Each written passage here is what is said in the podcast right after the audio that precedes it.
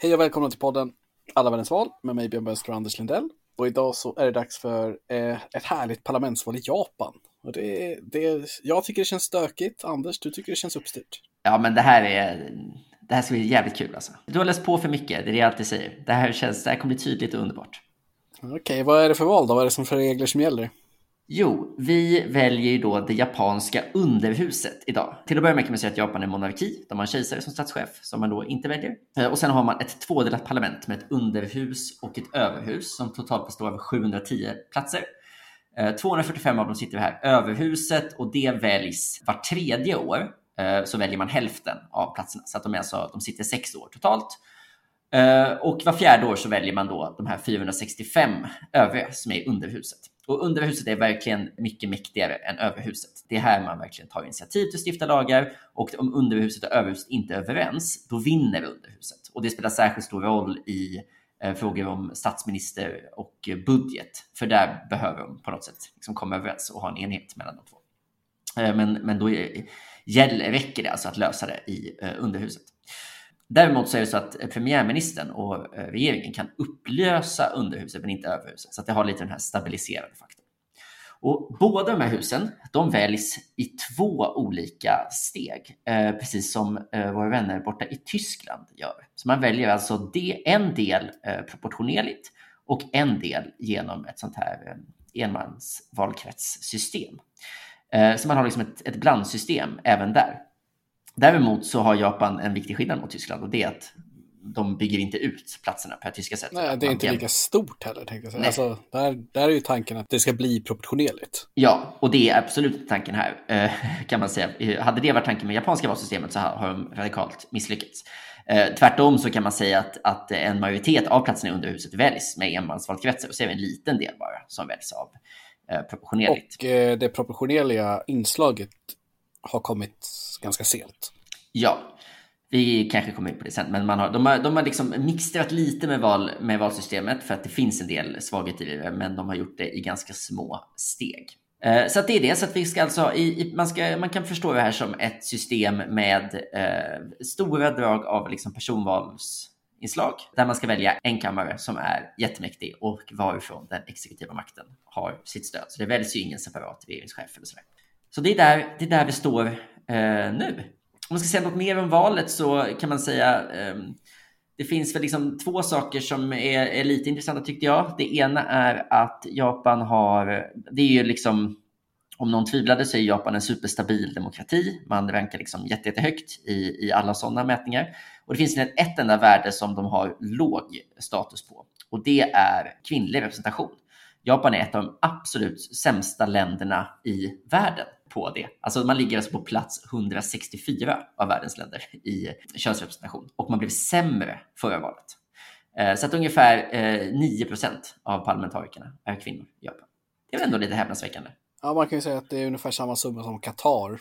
Ja, precis. Men just frågorna om kvinnors rättigheter och situationen för kvinnor är ju väldigt politiserade i landet. Men det tar ju inte en uttryck i något, ett, ett sånt parti då. Nej. Utan det, överhuvudtaget så känns det, den, den, det här kommer lite konstigt, men den, den, japanska demokratin känns ganska opolitiserat. Ja, men jag, kan, jag förstår sätt vad du menar efter att ha läst på det där.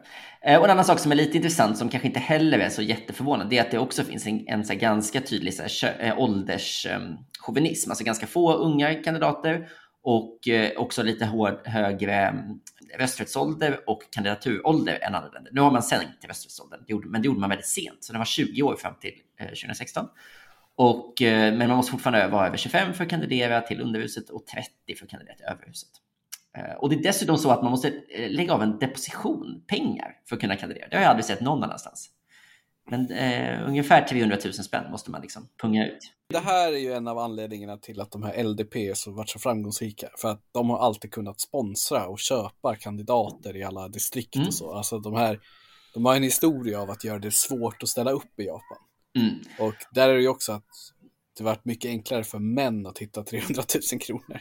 Ja, det kan man säga. Eh, och LDP kom vi in på är ju då eh, det partiet som har eh, styrt Japan nästan hela dess demokratiska Ja, alltså det historia. finns ju länder som har statsbärande partier och så finns det LDP.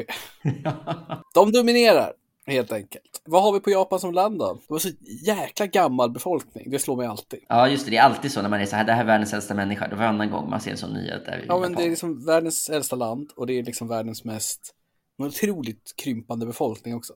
Just en krympande åldrad befolkning. Och eh, och det man har lärt sig mycket av när man har tittat på historien är ju den här eh, så supersnabba urbaniseringen också. Flyttat in jätte- jättemycket människor i de här enorma städerna de senaste åren. Men eh, när vi pratar om japansk historia så brukar vi ju börja 1945. Hände det något viktigt i världen då? Ja, det kan man säga och framförallt för Japan. Så det demokratiska systemet som vi ska diskutera idag, det har sin ursprung 1945 och som alla som lyssnar på det här vet så tillhörde Japan förlorarna i andra världskriget. Men det som alla kanske inte vet eller har förstått är att man brukar prata om att Europa låg i ruiner efter andra världskriget och att Tyskland specifikt låg i ruiner. Men det är ingenting mot vad Japan var. Mm. För Japan var liksom förstört till en gräns som är svår att förstå. Direkt efter kriget så fanns det inte mat till befolkningen. Det var liksom svält. Det fanns inga industrier, det fanns i princip liksom inget jordbruk kvar. Allting var bombat och framförallt bostadssituationen var helt otrolig. I mars 1945 lyckades amerikanska bombräderna göra över en miljon hemlösa över natten. Ja, man kan ju tänka sig själv, tänk Stockholm idag om en miljon lägenheter skulle förstöras på samma dag. Mm. Alltså hur hade man hanterat det som ett samhälle? Hur hade vi gjort för att liksom åtgärda det? Det har varit otroligt. Landet var totalförstört. Och de som totalförstörde det, ja då kan man ju absolut säga att Japan bär ju en enorm krigsskuld för staten av andra världskriget. Men det var ju amerikanerna. Och Mm. amerikanerna landade i Japan 1945. För att bygga upp Japan igen. No, no hard feelings liksom. Ja, no hard feelings liksom. Så samma Japan, eller samma land som hade förstört alla städer, landade och sa nu bygger vi upp det här typ. Och det är det politiska systemet som Japan har idag och det är väldigt, väldigt ovanligt. Det finns ingen annan aktiv demokrati som egentligen har en konstitution som är skriven av en annat land. Nej. För amerikanerna, mer eller mindre, med viss konsultation och så, men de bestämde Japans politiska system som de har idag.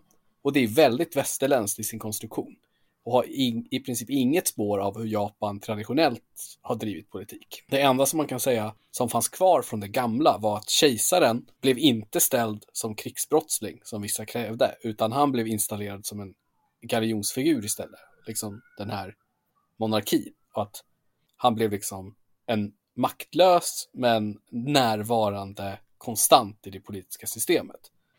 Allt annat är en liksom västinfluerad modell med eh, maktdelning, ett juridiskt system, en skolsystem och ett parlamentssystem som bygger på väst. Liksom. Och det man gjorde var att kvinnor fick rösta för första gången. Eh, man gjorde ett federalt system typ så att det blev liksom maktdelning på det sättet också. Och amerikanerna gjorde en landreform som överförde massor med mark till fattiga bönder från stora ägande bönder. Och sen så satte liksom japanerna fart och de återbyggde inte bara sitt land utan från liksom helt nedbrända städer, svält och död till att bli liksom en ekonomisk supermakt och vara världens näst största demokrati bara 40 år senare. Och Mm. det är liksom typ 1900-talets största comeback men också mest imponerande återbyggnad av ett samhälle. Ja. För liksom allt var förstört. Det som jag tycker är så fascinerande med det här, det är att man har gjort det här. Man har haft en BNP-tillväxt på 9% per år. Man har liksom allting. Men det finns ingen känd japansk politiker man kan namnge. Det verkar ha varit en helt typ apolitisk rörelse. Det känns bara så konstigt liksom. Men eh, den japanska politiska historien, den är ganska lätt att förstå. För från 1955 och framåt så har samma parti mer eller mindre styrt. Och de heter The Democratic Liberal Party. Och vad har du på dem, Anders?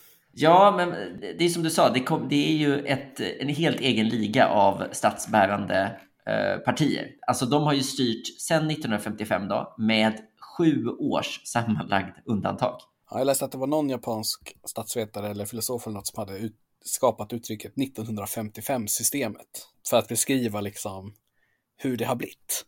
Och, och, Precis. och vad sagt, 1955-systemet uppstår av att det finns en vänster i Japan efter kriget som är lite så oväntat stark och det konservativa och det liberala partiet tvingas på något sätt ihop i liksom Mm. en stor koalition för att helt enkelt garantera majoritet.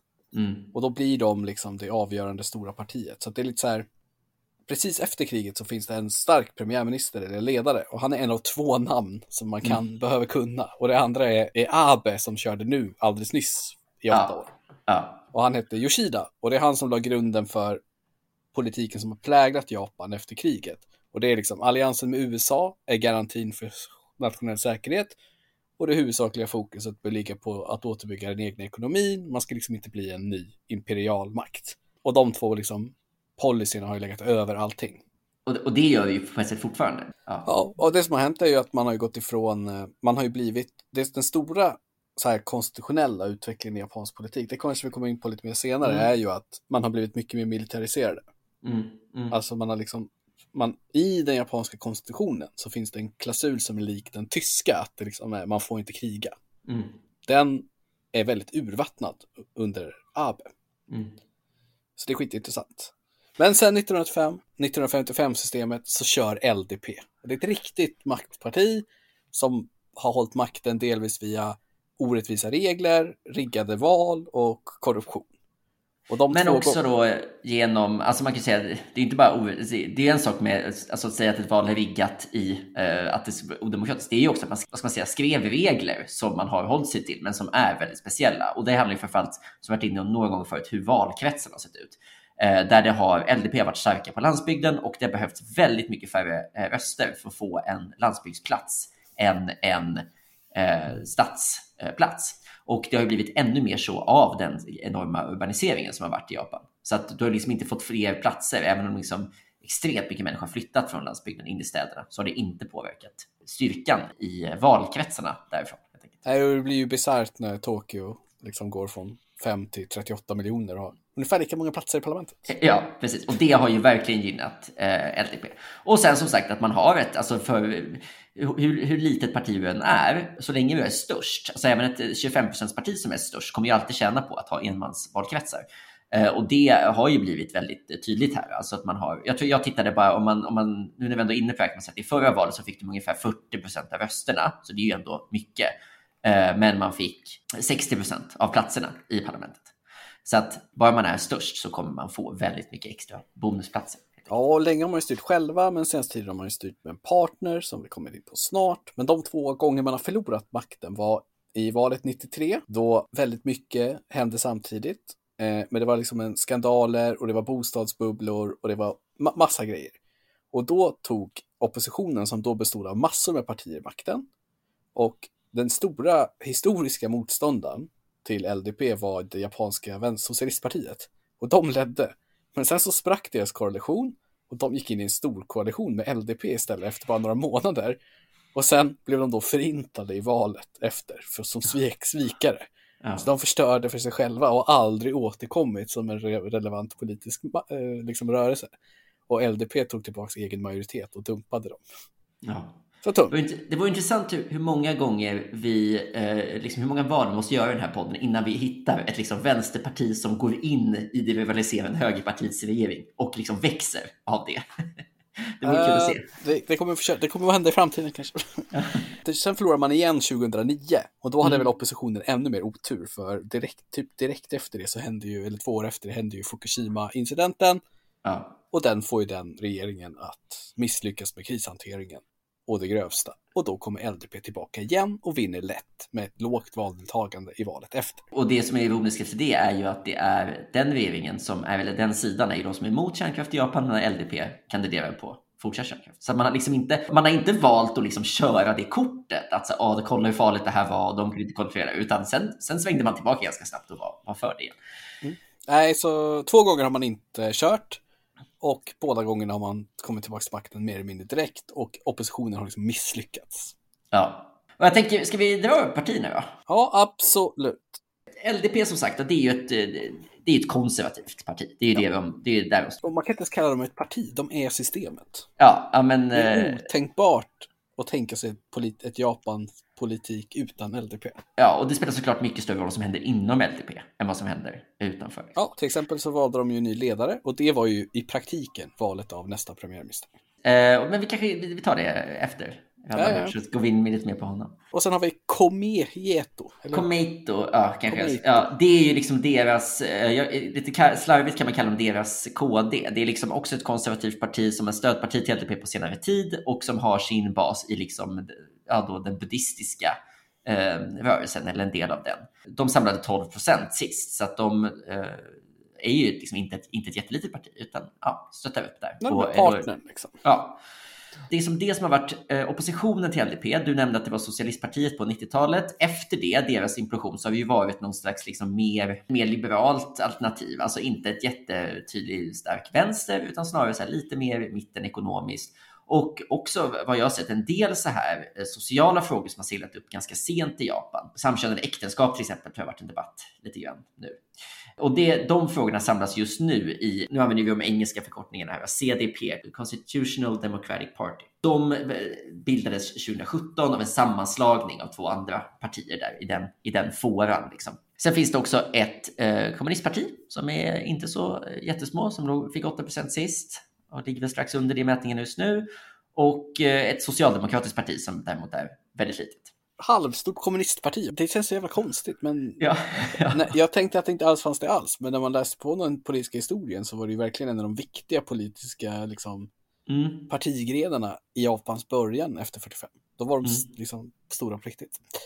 Uh, och i det senaste valet, så liksom, det som hände då var att då hade man liksom en utbrytning från LDP till höger också. Så att egentligen så har ju varit den här fördelningen. Då. Några, de här lite mindre partier till vänster och sen det enorma LDP till höger. Men då skedde en utbrytning till höger så att i den här parlamentet så att säga har också en, en högerfalang inom oppositionen också. Så att här agerar LDP mitten. Men om jag förstår allting rätt nu så har den rörelsen lite imploderat. Det finns liksom ett, ett högerpopulistiskt parti, men de har, de har inte jättestort stöd. Liksom. Och det liksom, lite större parti som var en mer renodlad splittring från LDP, de, de verkar ha fallit in i ledet igen. Så är, liksom, så är landskapet.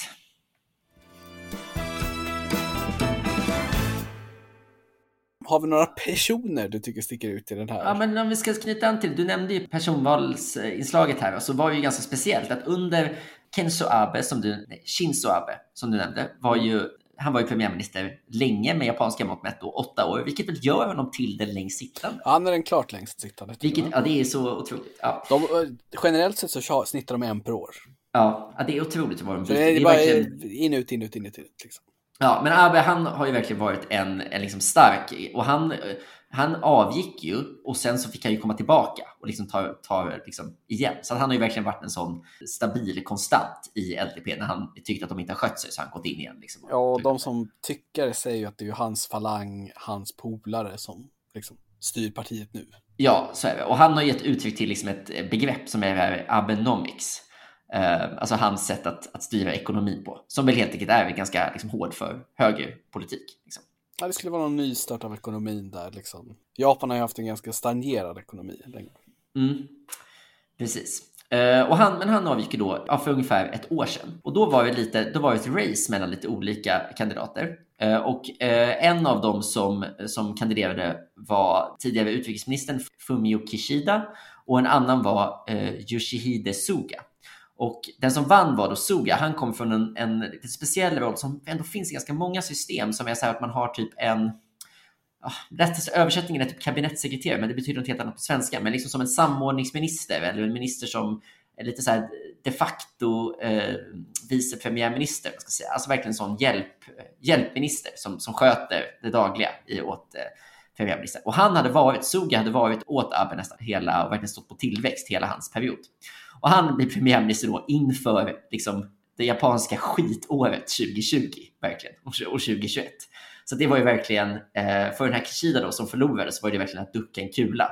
Så istället så tar, tar Suga över, Japan får liksom katastrofala eh, covid-19-siffror och sen en enorm debatt om sommar-OS som ju först flyttades och sen hölls trots en ganska... Ja, som ju genomförs mot japanernas vilja. Kan man... Ja, och det slutar med att Suga efter att ha väntat på det här i liksom åtta år får ett knappt år på posten, avgår och hans rival Kishida kan liksom ta över efter att stormen har bedarrat nu här i, för bara några veckor sedan. Man ska då säga att det, det finns ingen policyskillnad mellan de här två egentligen, utan vad jag har förstått. Utan det är ju liksom samma politik, samma falang. Det är mer att Sugas popularitetssiffror var så dåliga att de hotade hela LDPs dominans. Mm. Och Kushida då kliver på med klart lägre förtroende och popularitetssiffror än vad Suga gjorde när han klev på jobbet. Så att de är inte tillbaks där de var, långt därifrån. Utan Nej. när Suga gick på så hade han typ ett 70% approval, vilket är sjukt högt. Och han Ja. slutade på liksom 20%. Kishida har ju haft då två, liksom, vad ska man säga, Han har haft jobbet i några veckor. Han har haft jobb några veckor, och, och, men han har liksom försökt lansera sig. Jag tycker om man, om man läser återgivelser av vad han, vad han säger, liksom, så är, handlar det ju, dels så försöker han ju lansera sig som liksom, stabilitetskandidaten. Att så här, nu, och gör en del så här. Kan, kan de- man göra något annat som LDP? Nej, men, men alltså försöker så här, räta upp kursen lite grann. Typ eh, framförallt en, en del för, nya företagsstöd efter de som har drabbats av pandemin. Han verkar ha på något sätt uttalat sig lite halvkritiskt eh, mot Abenomics-eran och tyckt att så här, men nu har japanska ekonomi blivit för ojämlik och nu är det liksom viktigt att vi tar tag i det och så. Så att han, han försöker liksom, han balanserar det där men försöker ändå, de behöver ju som parti använda det här partiledarbytet för att också ta avstånd från vissa frågor som, där de kanske haft lågt förtroende. Till exempel pandemihanteringen och bitvis då ekonomiska ojämlikheten. Pandemihanteringen verkar ju verkligen vara en akilleshäl. Ja, så att där står de åt, åt, ena, eh, åt ena hållet då. Den andra, om man ska nämna liksom en till person, så är väl liksom partiledaren för de här eh, CDP, alltså Constitutional Democratic Party. Ja, de som på något sätt är den huvudsakliga oppositionen. Ja, precis. Och deras, deras premiärminister är också liksom verkligen en insider, eller premiärministerkandidat, alltså partiledaren. Yukio Edano, som är strax under 60 och, och var näringsminister senaste gången som de hade en eh, icke-LDP-regering. Så det är de två det står mellan. Eh, Men egentligen så är det väl så här att, eh, att alla utomstående bedömare räknar med att LDP kommer vinna hem det här, men att, men att det ändå kan spela en ganska stor roll för liksom deras självförtroende och deras inre liv om de inte vinner stort nog. Och de är lite stukade därför att i en del Eh, som vi nämnde så är det ett ganska stort personvalsinslag i, i eh, parlamentet och det innebär att det ganska ofta är fyllnadsval. De verkar avgå, det är liksom något val om året varje år. Och de senaste valen så har LDP haft det tufft. Alltså de har förlorat flera platser där de liksom tidigare, det är en LDP LDP-politiker som har hoppat av och som har börjat fyllnadsvälja och då har det blivit någon från oppositionen. Ja, många tolkar ju det som en valvind som ska gå emot LDP. Och Mm. under Suga så var det ju ännu värre, för då fick de typ storstryk i så här borgmästarvalet i Yokohama och grejer som är så här, Mm. alltså fick typ 200 000 röster, vilket är unheard of att LDP får stryk. Ja. Det man kan säga om CDP då, oppositionen, de heter ju Constitutional Democratic Party och Constitutional heter de av en anledning. Det är för att en av deras absolut viktigaste ståndpunkter varför de finns är att de är motståndare till en konstitutionell ändring av det som kallas artikel 9 i den japanska konstitutionen. Som ju styr eh, de väpnade styrkornas möjlighet att agera, eller vad de kan Mm. göra. Och Mm. det har varit väldigt kontroversiellt i Japan de senaste tio åren där LDP under Abe har genomfört reformer och förändringar av militären som nästan alla juridiska experter säger bryter mot konstitutionen. De är liksom Och det är då amerikanerna som skrev in så här, hej nu är vi här, ni får aldrig ha en, ha en armé igen. Typ så. Och Ja. nu vill japanerna och nu vill ju amerikanerna också att de ska få, för att eftersom amerikanerna gear ju upp för liksom kineserna är ju hotet nu. Ja, amerikanerna vill att Japan ska skaffa en större armé, delar av Japan vill att Japan ska skaffa en större armé, men de har den här konstitutionen som säger att de inte får. Mm. Och då har de genomfört massa reformer som är olagliga. Och Constitutional Democratic Party, det är bland det absolut viktigaste att de är emot förändringar av artikel 9. Just det. De vill ha kvar förbudet mot att det upp militär. Och den långsiktiga politiska planen som fanns från LDP och Abe då, innan han blev sjuk och grejer var ju att de skulle liksom genomföra det här OSet, det skulle bli en sån succé, det skulle liksom visa styrka för Japan och så skulle de gå till ett snap election efter det och så skulle de få en supermajoritet och så skulle de ändra konstitutionen. Typ så, enligt de som Mm. inte hejar på LDP då, att det liksom de har byggt upp för den här konstitutionsändringen jättelänge. Det skulle kunna bli den absolut största frågan framöver i japansk politik igen. Ja, det är spännande. Det lever kvar där, eh, historien. Annars så, liksom, när, när man har läst lite så är det ju annars ganska mycket just ekonomiska frågor. Att det har varit en fråga om um, momsen också, där vad ska man säga, vänstern, både kommunistpartiet och eh, CDP då driver ju att eh, minska momsen och höja en del andra skatter, medan eh, LDP är emot det. Liksom. Så där har man en, en behagligt lättbegriplig höger-vänster-fråga. Ja, momsfrågor, spännande. Ja.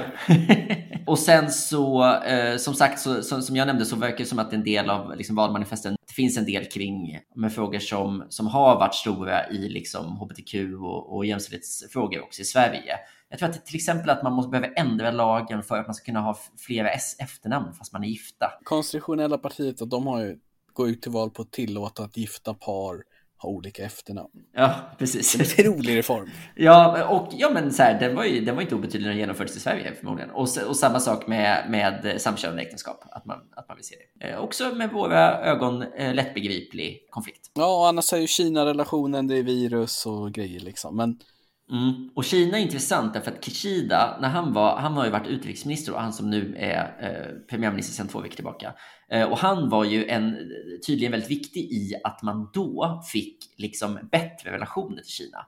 Eh, men sen för att vinna partiledarvalet i LDP så måste man ju vara väldigt eh, skarp mot Kina. Så att han har liksom behövt ändra sin Liksom, han hade en jätteviktig funktion i Abbes regering för att liksom, eh, säga, smöra för Kina. Men nu måste han istället vara hård mot Kina. Så det kan säkert spela roll. Ja, det är ju en komplicerad relation för Japan och för ja. kineserna också. De bråkar ju med öar mitt emellan liksom. På ett sätt som kan bli ja, från hett, hett till varmt. Eh, så låt oss hålla tummarna för att det inte blir en konflikt där. Känner jag spontant. Ja, det, det, det behövs inte. Det vi haft nog. Ska vi kolla lite snabbt på opinionsläget då? Ja. Eh, det är lite oklart för att eh, japanska, för jag jobbar ju med opinionsundersökningar delvis så jag har svårt att förstå de här. Så då, då, då, kan jag förstå att andra kan ha svårt. Men min tolkning är att det gått sämre och sämre för LDP, inte bara under mandatperioden utan när, när Suga skulle avgå så fick man en bump upp, men nu är man på väg ner igen. Men det är väldigt kon det är lite otydligt vart stödet går och vilka andra som vinner på det och vissa undersökningar rapporterar andelen osäkra, andra gör inte det och sådär. Så att, mm. Men en artikel jag läste sa att de ligger runt 30 procent och då får vi väl köpa det. För det är inte så jättelångt till det senaste valresultatet. Nej, och sen är det svårt att tolka vad det innebär i stolar ja, i parlamentet. För, eh, för vem kommer få alla andra röster om de ligger på 30 procent känner jag? Det ska ju summeras upp någonstans. Ja, det där tycker jag är konstigt. Jag, när jag också har tittat, jag fattar inte heller för att det ser ut som att alla partier har jättelågt. Det ser ut som att det är 50 procent totalt typ. För alla ja, partier. det är för att de har liksom, de räknar inte bort de som inte vi har stämt sen. Nej. Men oh, den senaste seat projection som mm. jag har sett så är det 243 platser för LDP. Och det är lite intressant. Eh, vet du varför? 243? Ja. Ja, det, det, är ju, ja, det är ju precis, det är fortfarande majoritet då för dem, men eh, knappt. Ja, precis. Så här är det. 233, det räcker för en majoritet. Mm. Men man måste ha minst 244 för att få ordförandeskap i alla stående kommittéer. Mm. Och mm. 261 platser behöver man för att ha majoritet i alla kommittéer inom parlamentet. Och då kan man styra mm. ganska bekvämt. Så att även om 233 är majoriteten så behöver man i praktiken 261 för att driva en effektiv parlamentarisk politik. Så nu kanske liksom, det här kanske är första gången som de goda buddhisterna i stödpartiet behövs. Ja, typ så faktiskt. Så man behöver nå upp lite över för att mm. styra effektivt, vilket jag tycker var lite intressant. Mm. De, enligt seat projections här så ligger de mellan 236 och 261 de senaste mm. åren, LDP. Och det är ju mycket för 30 procent. Och de förväntas ju ta, som vanligt, hur många som helst av de här first past the post-platserna. Mm. Ja, så att eh, det som, vem som bildar nästa japanska regering är kanske inte det som är osäkert här, men det är väl snarare om det här ändå trots allt är början på en, en ny politisk era med ett mindre dominant LDP som kan vara en intressanta fråga. Men det är väl nästa japanska val som, som avgör det, snarare än det här. Ja, nej, men det blir spännande att se. Så det är val, det är då val på lördag. Nej, inte söndag. 31. Nej, söndag ska jag bara. 31 mm. oktober. Ja, men, men mer lika än man kan tro. Mm. Och vet du vart vi ska nästa gång, Björn? Eh, nej, det vet jag inte. Jag, förberett, jag tänkte att du kunde få välja. Nästa avsnitt är ju avsnitt 40. Eh, och då har vi, det är två val om två veckor, så vi tar väl ett redan nästa vecka. Nu ska vi få välja mellan två viktiga pangval. Antingen så åker vi till Argentina, eller så ska vi för tredje gången besöka Bulgarien som väljer både parlament och president. Ja, då tar vi Argentina. Argentina, så har vi liksom ett, eh, laddar vi upp ordentligt för bulgariska valet. Så då är vi tillbaka med avsnitt 40 om Argentina helt enkelt. Mm, på återseende. Ha gott.